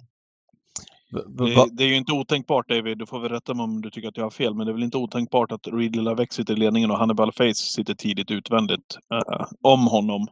Vad tror du David om det scenariot? Ja, först och främst ska Hannibal Face gå felfritt eh, och sådär. Och sen så Hannibal Face ska ju upp i klass. Han vann ju en bronsfinal annandagen. Men han har ju visat att de kvaliteterna han visade där räcker ju en bit upp i, i silverdivisionen. Eh, och, och nu kan han gå barfota bak också. Eh, det, han blir ju svårbedömt eftersom han inte har startat sen annandagen. Men känslan är ju att eh, han brukar ha dem i, i ordning direkt, Oskar Berglund. Vad- tror du att Really kan gå om man får disponera loppet eh, helt själv liksom? Alltså du kommer till spets och sen så dämpa en bit och sen ett snabbt slutvarv. Vad tror du det finns i honom över full väg på, på söndag? Alltså, tider är alltid svårt att, att prata om, men, men att, han ska, att han ska stå sig väldigt bra i ett silverlopp, det, det ska han ju göra. Och sen så om, Hannibal Face skulle vara så bra så att han slog honom från utsidan, då, ja, då är det ju så. Men eh, att Ridley, Ridley liksom är i, i ordning för att stå sig väldigt bra i ett, i ett silverlopp, det, det, det ska han ju vara. Du är inte förvånad om man kutar en 11 tid full väg, 11,5 eller 11,9 eller 11,8 sådär? Nej, det, det kan jag inte säga att är. Han har väl gått, har han inte gått en 10-tid full väg? Eller har han inte det? Jo, det är det jag menar. Tider blir ju Nej, jag vet. Ja, Liksom, men så är det. vända och vrida på. Men just att det, det, det, det skulle inte bli om, om, allt, om, om, om allt bara är normalt så ska han ju egentligen vara på, på den nivån. Ja. Eh, är, det, är det en häst som, som du, ja, men du har liksom som du tror, vad är, vad är tanken med honom? Att han ska vara och tävla i gulddivisionen under den här säsongen som kommer? Alltså, det var ju som vi pratade om tidigare under våren här, eller vintern, att eh, det är inte våren. Så att, Nej, nej, det får man inte säga. I varje fall inte i Stockholm just nu. Nu snöar det. Men eh, att Frankrike, vi borde nästan vara kvar på ett sätt. Han har mm, fantastiska förtjänstmöjligheter där. Eh, vi, ju, vi tycker att det är roligt att ha honom hemma också såklart. Och att, eh, jag tycker att han står sig hemma och det visar han ju med att vi lyckades ta en gulddivisionsseger direkt. Då. Men, men eh, så får vi se eh, helt enkelt vad, vad som händer och sker efter, efter det här loppet. Eh, han har väl 15 000 kvar till han går ur silver och är i guld. Då. Så att eh, tanken är väl att göra en, ska dra till med fem lopp, eh, fem, sex lopp på hemmaplan och sen sikta in oss mot eh, Frankrike i höst igen. Eh, något sånt, men det kan ju ändra sig. Men det, det är i alla fall eh, en typ av grundplan. Eh, gällande banan där. Solvallas bana kan väl ibland, säger jag väl, vara lite hård. Nu letar David riktigt. Ja, ja, men det är ja, djup, djup, eh, djuphavsfiske. ja men så är det ju. Ja, Men det, ja, det är ingenting som oroar dig alltså?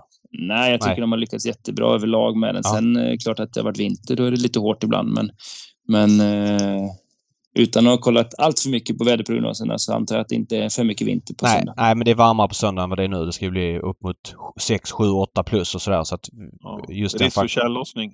Risk för tjällossning på ja, precis. He- Hela banan står under vatten. Tävlingarna flyttas med kort varsel Till Rättvik. till Rättvik. Nej, men vad... Du, ehm, eh, vad- En kortis här bara Oskar, eh, till alla våra trogna lyssnare också. Du har ju många starthästar ifrån stallet här. Vi ska inte gå igenom dem ehm, eh, Eh, här över påsk. Eh, men om, vi, om jag namedroppar dem här och, och du startar på Örebro redan i, imorgon så har du Hidden Dragon och MT on Target.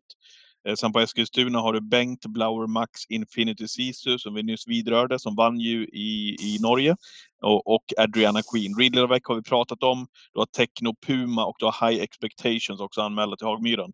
Om du skulle få ta ut de tre hetaste eh, över påsken här till våra eh, lyssnare, vilka, vilka är det av dem som du har? Och? Ink Real Lavec i den asken såklart. Ink Ridley Lavec, ja. Ja, men då får vi såklart ta med Ridley Levec i, i det. Och, Han är eh, etta. Eh, Bäst och sen, nej, men jag ska ändå säga att den som kanske blir lite... Be, ja, jag ska inte säga att jag vet inte, jag har inte kollat så noga än eh, hur loppet är, ser ut. Men Infinity kanske blir lite väl betrodd på, på senast. Men eh, det är ju, jag ska inte säga att det är ett avslag, men, men eh, ännu en gång så vill jag ligga lite lågt med henne. Så det, det kan man också ta med sig trots att det inte Ja, är en vinnare.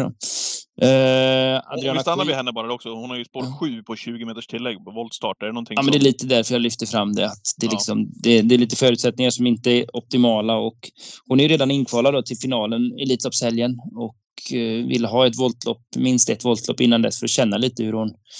Ja, prova av henne lite grann där och se hur hon beter Ja. sig. Om vi kan eh, slipa på någonting och, och om jag behöver veta något inför, inför Elitloppshelgen där. Liksom. Så att, ehm, Bra info. det är lite eh, syftet med den starten. eh, Utöver att hon ja, ska få ett fint lopp i kroppen och att förhoppningsvis vara, vara bra. Då. Ehm, Blauer Max är ju lite spännande debut där tycker jag. Ehm, känns uppåt i träningen. Vi får se om det... Eskilstuna startar Blauen Max på fredag, ska vi säga. Han eh, kommer dock gå med skor. Eh, har gått otroligt mycket barfota i sin karriär. Så att det, det är väl sådana saker som om, om det liksom mm, hur han reagerar på just den biten. Men han har, känts, han har faktiskt gått ett barnjobb dessutom och, och känts, ja, men, mm, varit nöjd med honom. Så att eh, det, det är väl en liten rolig som kanske inte blir favoriten då. Eh, Adriana Queen samma dag kanske egentligen är bästa chansen den dagen. Eh, Bengt vill jag ligga lite lågt med. Eh, Adriana Queen bästa chansen, ja. Mm. Ja, precis. Technopuma är ju såklart jättespännande årsdebut men eh, har ju syften längre fram. Eh, det är voltstart och det är tillägg och sådär så hon, hon har inte vunnit lopp än men det är väl inte hennes fel helt utan hon har mött bra hästar och Ja. eh, det blir spännande men det, den plockar vi hellre längre fram. Och Hidden Dragon ska väl starta med rätt så bra vinstchans ändå men möter säkert någon, någon vettig. Eh, Empton Target ja, har jag bytt kusk på för jag, det är faktiskt en av få hästar som jag känner att jag, nej, jag, jag kommer inte rätt på honom. Så vi, vi gör lite andra tester med honom och det, Mm. Dwight Peters kör nu, ja. det är de, en av de hästarna som... Ja, han har ju visat gott kunnande genom åren men, eh, men jag känner att jag inte får connection med honom så då provar vi någonting nytt där. Men totalt sett, inget negativt med Ridley. Du förväntar dig en bra prestation. Du är nöjd med honom, var han är formmässigt. Och allt kan såklart hända i travlopp men du ser liksom fram emot uppgiften på söndag. Kan man säga. Ja, verkligen. Verkligen så. Verkligen så. Härligt. Ja, det är väldigt Eh, härliga delägare runt honom också. Jag tycker de gör bra reklam för sporten. De, det var någon som var intervjuad där på Årgäng. Någon delägare. Jag tycker den känns jävligt liksom bjussiga och, och, och är duktiga på att highlighta det här som travet handlar om. Att åka se sin häst vinna på V7. Ja, det är det travet handlar om. Ja men eh, alltså, som, alltså speldelen är ju sin sak ju men att äga häst liksom. Ja, ja, verkligen. Nej, de har ju varit och de har ju varit superintresserade liksom från innan han började. Och, eh, och just du nämner den delägaren, Dennis Fingal som du pratar om då, så, så satt ju han i gräset på Lindesberg när det var pandemi och Reed gjorde sin första start eh, på, på andra sidan eh, i kullen där. Eh, Sen kanske han tog sig in på stallbacken lite senare också då, men Ja, det är preskriberat. Men- Ja. Men nej, så det, det har ju ingenting med att han började vinna att göra, utan det är ju ett enormt intresse. Det var ju de som gjorde tifo i fjol på Elitloppshelgen. Eh, för övrigt med och äger Infinity Seas också, så ni kan förvänta er något extra i Elitloppshelgen även i år. Då. Oj, vilken bonus det vore om båda startar då. Ja, ja, jo, men eh, ja, det är klart att det, det vore kul om, om båda startar, men, men det, det kan ju bli hjärtsnörp om, om båda startar också, så att det kanske räcker med en. Vi får se. Ja, fattar. Eh, härligt, där har vi det. Ja, där har vi det. Eh, jobbigt för Bullen om han ska jobba. Bullen, alltså en av delägarna som är fotograf och, och fotade, filmade V75-loppet eh, senast. Det var lite snack därefter. Att det inte, många, många missuppfattar där men han jublade då såklart samtidigt som han filmade men så var det inzoomat på Reed Lavec i ledningen. men det, var, det är inte hans fel eller om han tog det skottet utan det är bildproducentens fel. Det blev en lite snackis där. Uh, ja, jag hörde det. Det har faktiskt hänt förut i Norge när jag var där med Technopuma. De gjorde på samma vis. Då, då var han inte där och filmade så att jag tror inte han ska Nej, han är superrutinerad fotograf och vet exakt ja, vad han... Men jag kommer ihåg, jag såg att den la ute på sociala medier och så var det någon som skrev under. Jaha, är det därför eh, den zoomades in? Men så funkar det inte. Det är bildproducenten som har två skott att välja mellan och, och uppenbarligen... Jag tror att de trodde att det var ett varv kvar faktiskt. Eh, ja, det är min analys av det. Ja men svinbra Oskar! Ja, grymt utförligt och uppskattat. Jag tror att många känner att man måste gotta ner sig runt de stora favoriterna en sån här omgång och kunna vrida och vända på varenda centimeter. Mm. Um, Spännande. Jag önskar dig lycka till i påsk och sådär. Blir ja, det något påskfirande eller? Ja då, lördagen är, lördagen är ledig på det viset. Så att, uh, och det, är, det är ändå vår i luften. ja, precis. Vad gör ni på lördag då? Hur firar du påsk? Eh, svärföräldrarna kommer upp så vi hittar nog på något med familjen och barnen här. Kör du Klosterskogen på liven bredvid eller du skiter den tävlingsdagen? Visuellt menar jag. Mm, det blir nog i alla fall eh, absolut att kika på ett par av loppen. Det var ju lite svensk intresse och de, de frågade faktiskt om vi ville komma med Readly eh, dit då. Men ja. eh, vi får se. Kanske ja. kan bli nästa år. Ja. Ja men toppen ja, Oskar. Tack så mycket för att du var med. Hälsa alla och Häls ta hand om eh, Nisch. Tack så mycket. Hej. Tja. Bra. Hej. Hej.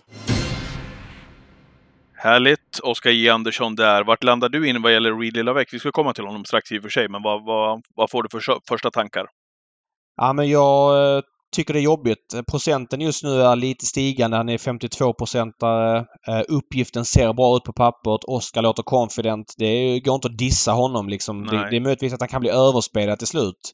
Men eh, det ser bra ut spontant. Det är känslan. Men sen är det ju, man går ju för de här jättepengarna och större under har ju så skett än att Reed Lavec eh, förlorat travlopp. Så att, eh, nej, jag har inte procent med men fortsätter procenten uppåt så måste jag gardera. Kort V75-genomgång här. V75s första avdelning. Ehm, ja, vad har du för känsla kring det här loppet? Det är Baltimore Face just nu i alla fall är knapp favorit på 23 procent, men det är, det är väldigt jämspelat. Ja, vi ska säga det. När vi spelar in det här är det alltså 641 000 omsatt. Det kommer vara 150 miljoner ja, omsatt på, exakt. på söndag. Så, så, så, procenten kommer, är vad de är? Är vad de är och man får ta det för det. Men det kanske är en liten indikation på vilka som blir favorit. En sak bara. Solvalla kör ju inga V75-omgångar, eller har inte gjort på jättelänge, som inte varit finaler. Det känns lite konstigt. Det är alltid finaler, det är alltid 2-1 bil och så vidare. Nu är det inte det och det blir liksom en annan, en annan grej mm, känner jag. Mm, mm. Um, dock ska man köra en omgång i november som inte är finaler framöver. Men det är en annan sak. Ja. Jag tycker att fyra Baltimore Face är rätt favorit. Jag är otroligt förtjust i den här hästen. Jag tycker att han är ja, men alla som ser trav och kan trav ser ju att han rör sig på ett uh, undantags... Mm, mm sätt. Eh, jag tror att han... Eh, går han felfritt och Uffe kan köra fram i döden så tror jag bara han vinner. Så är det. Ja. Men det är klart, spår 4 i volten kan bli en tappstart. Det finns väl såklart en viss galopprisk. Uh, det är ju ett par bra hästar. Du gillar 6 Ime Younger vet jag. 7 ja. Northman Maximus ja. är också bra. Så att, så att mm, får se lite grann vad han landar i procentuellt. Se lite grann vad Uffe säger om spår 4. Jag har inte hört någon intervju nej, med honom nej. ännu. Om han är confident eller inte. Det spelar in men jag kan tänka mig att det är en sån häst jag kan tänka mig gå på om procenten blir, om det blir jämspelat. För att jag tror han är klart bäst här. Ja. Eh, du är inne på det. Jag gillar ju Even Younger. Jag, eh, jag spikade honom den här eh, miljonomgången när vi drog in eh, stora pengar där. Eh, följde upp det med att spika honom här förra veckan återkommer till honom alldeles strax tänkte jag i den här podden. Men mm. Ehm, eh, springspår, löser han voltstarten så ja, då får Baltimore Face vara bra om de ska plocka Even Younger om han hittar till ledningen i alla fall. Det, den saken är klar. Ja. Eh, V75s andra avdelning då. Eh, vad har du för känsla kring det här loppet? Det blir inte heller alldeles enkelt. Det är väldigt eh, jämspelat i nuläget också. Kommer väl inte få någon jätteutpräglad favorit heller. Nej, det är känslan. Din polare Per Linderoth kör betrodde två Money Smile. Har ja, du snackat med honom eller? Har nej, jag, jag har inte gjort det ännu, men däremot så är det ju en häst som man höll högt tidigt i karriären. Eh, som jag såg också här, jag tror att det var i Rättvik tidigt i karriären. Väldig utstrålning på den hästen. Nu såg jag att han skulle anmälas barfota runt om också. Eh, jag gillar Money Smile, han kommer med två raka segrar. Ska ta, ta reda på senaste nytt tänkte jag till, eh, till vår Twitch-sändning nu, på, nu till helgen. Så ska ni få senaste nytt kring Money Smile. Men det är en mycket bra häst tycker jag. Eh, distansen känns inte heller som, som något dilemma så att nej, han, är, han är tidig för mig. Eh, twitchen är söndag då, 13.00 ska vi säga. Eh, jag gillar väl två hästar spontant. Eh, 12 One Crystal, han var med i Breeders-finalen för treåringar förra året som eh, Denzel Brodde vann. Kvalar in som fyra bakom Denzel Brodde och Bengan. Då blir han frånåkt från ryggledaren där den 30 oktober. Men årsdebuten senast måste man säga var femstjärnig med skor, barfota nu. Eh, 2,6 gör att spår 12 blir lite mindre sämre. Den känns ändå trots en viss procent mycket tidig. Sen 3 Holy Ground. Eh, har äntligen fått ett bra spår nu. Han har haft 11 och 12 på slutet. Barfota runt om provade, gången. Provade, provade köpa den för ett och ett halvt år sedan kanske det. Det gick inte så bra eller? Nej, den är ju den är såld nu. Den, den blev såld, men inte till mig. Ja, nej. Det är ju inga miljonhästar de här två, men de känns väldigt tidiga. Uh, ja, de sticker ut för min del rent spontant. Yes. V75s tredje avdelning då, det är bronsdivisionen eh, och eh, Eroin Darling. Vilken utveckling det har varit i, varit i henne. Eh, vad, vad, säger de, vad säger de om henne? Och väldigt kul det här då med att eh, Ston som har tjänat lite mer pengar får möta bronshästarna. Ja, det blir ju då bättre mix av hästar som inte har mötts. Anmäld, ja, men, anmäld Barf runt om nu också. Ja, hon har ju dock inte visat att hon kan öppna någonting så att jag är lite skeptisk till vad hon blir av, över då. Men äh, kan hon inte spetsa över 1600 så är hon väl knappast en favorit man vill hålla i handen. Så att henne, om blir hon favorit så känns hon kall.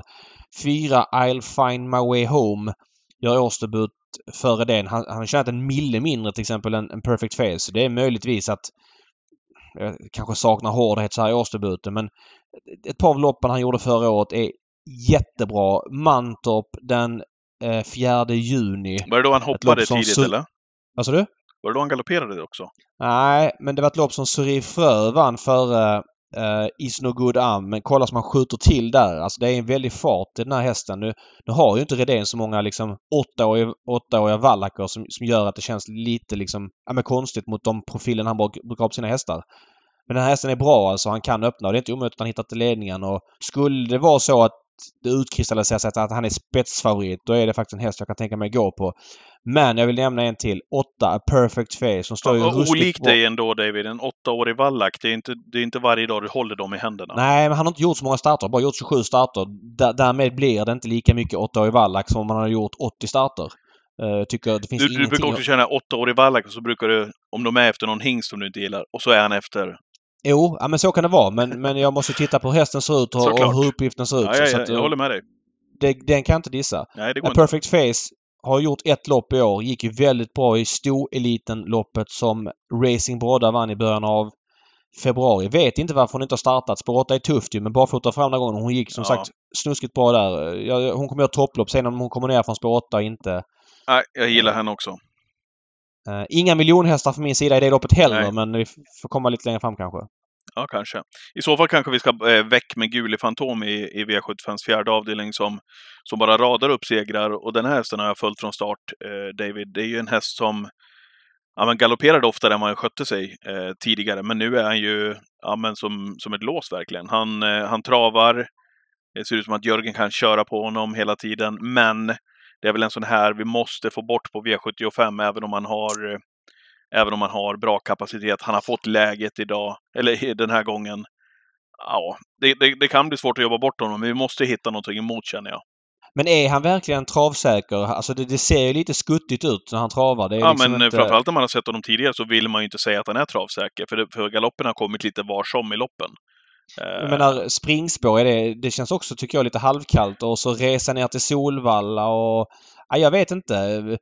Så här, det, här, det är bättre hästar nu så att han kommer ju knappast spetsa av egen kraft. Han har ju springspår på, på Gävle den 9 februari och då öppnar han anständigt. Men bättre hästar nu som kanske tar emot honom lite längre så att han får gå lite längre tredje spår och sådär.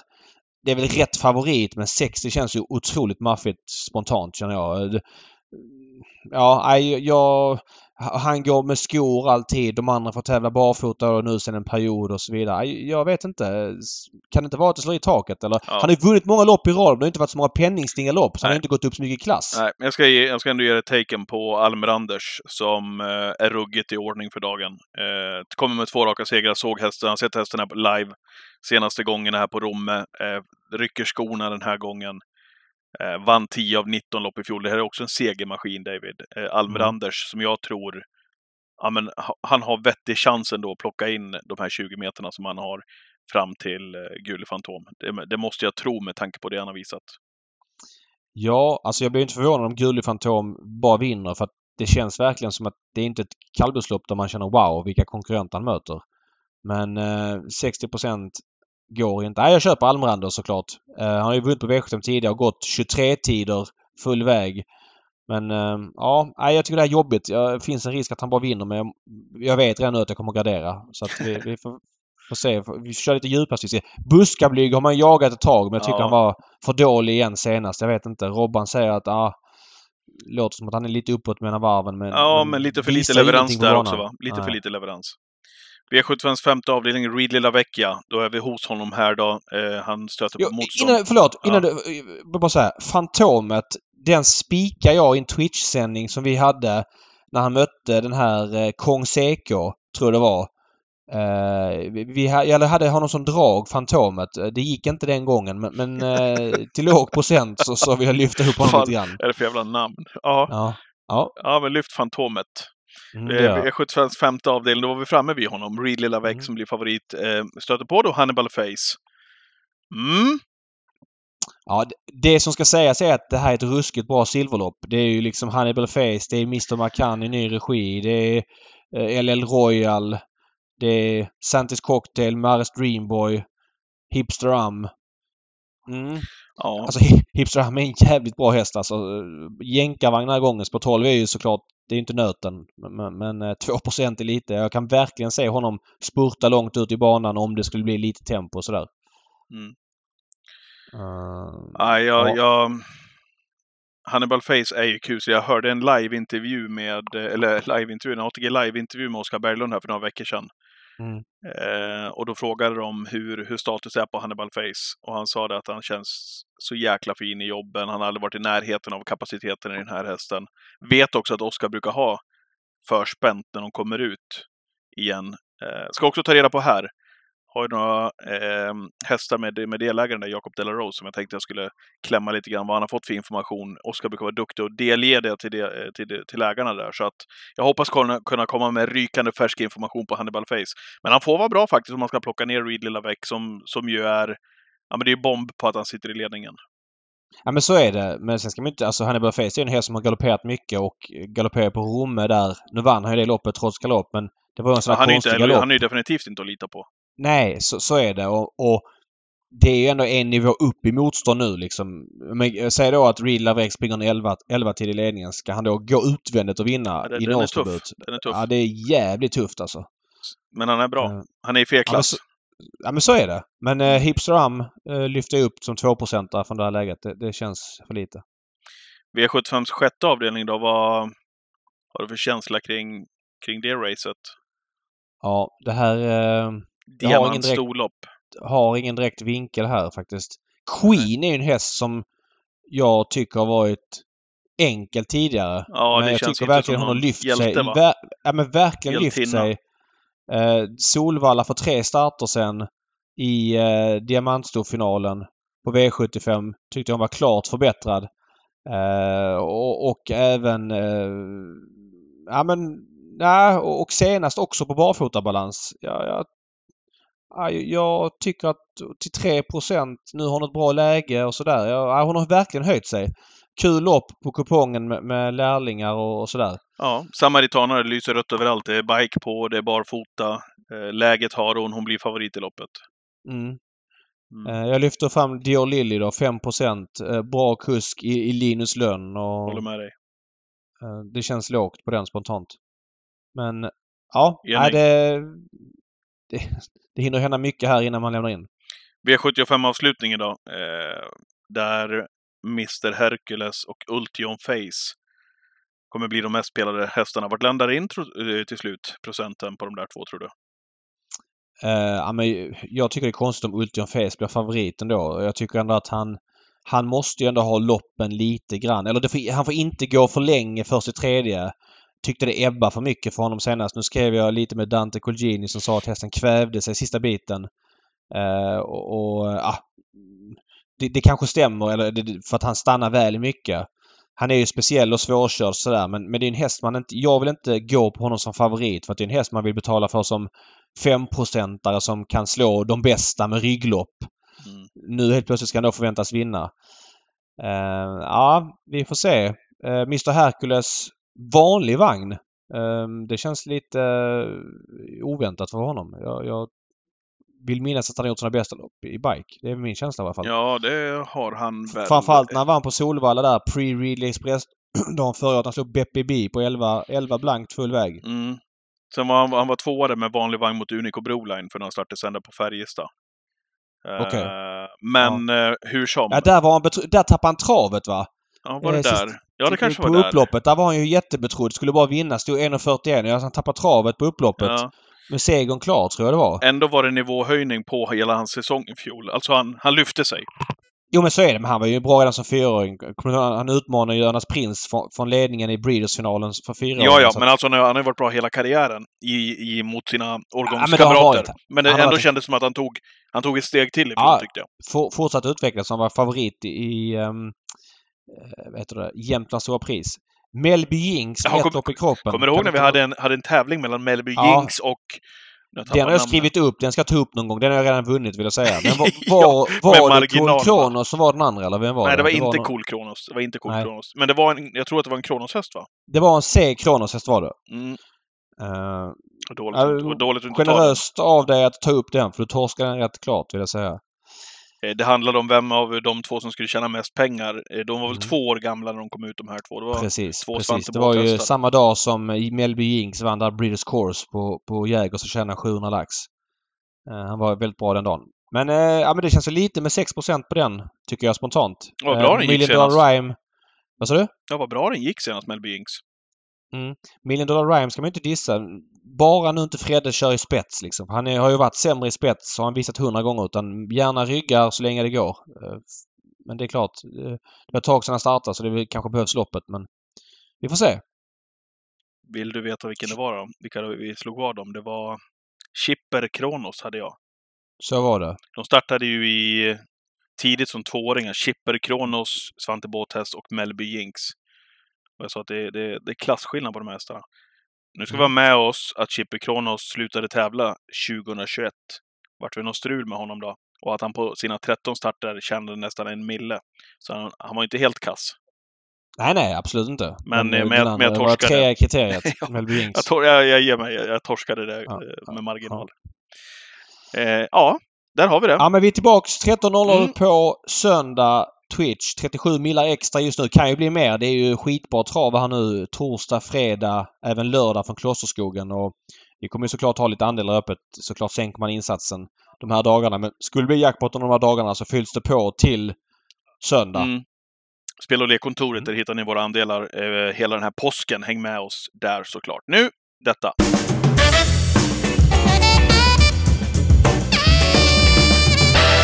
Veckans hiss och diss eh, och eh, du skulle hissa, skrev du det?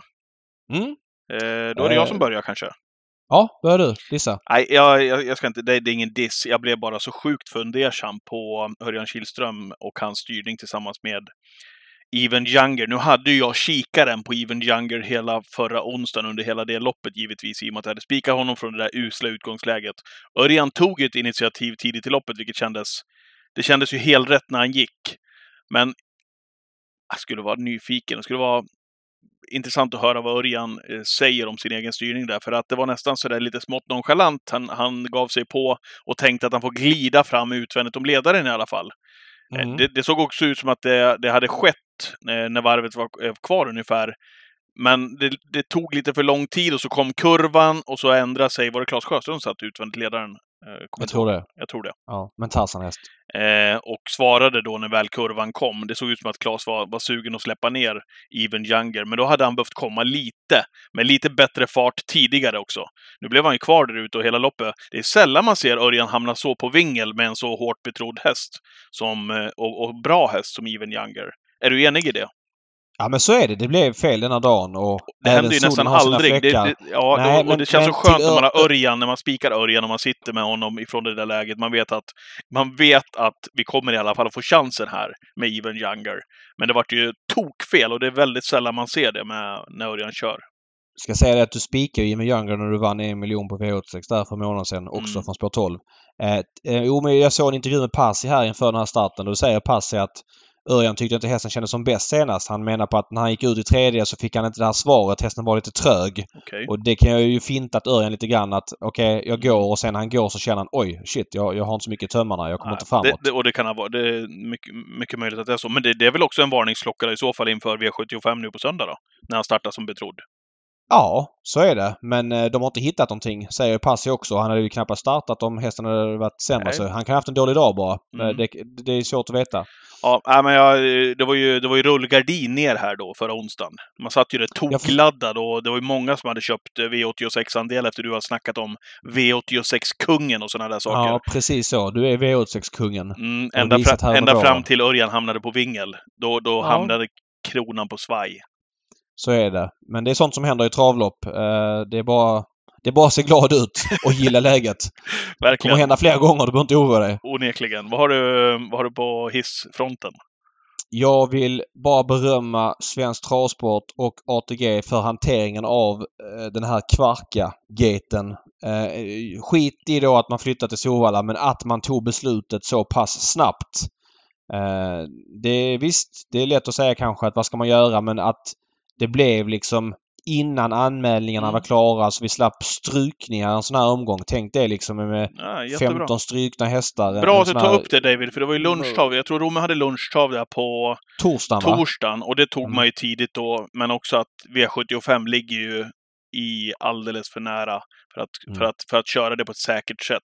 Håller med Ja. dig. Bra att du lyfter det, för det, det är lätt att du, att du hamnar på andra sidan och så diskuterar varför och ditten och datten. Men det här är ju bra att du lyfter det, att, det var, att man tog ett tidigt och ett rappt och bra beslut. Ja, och det gjorde att Oavsett eh, de aktiva gick, visste, säga. eh, de som kanske kommer söderifrån, typ Adrian, jag tror inte Adrian hade anmält till Rättvik sett till avståndet. Och, och, det är säkert att åka till Rättvik för honom, sämre vägar, men nu med Stockholm närmare till exempel. att Men det de hade, det, hade fick, blivit, det hade blivit en publikfest. Ja.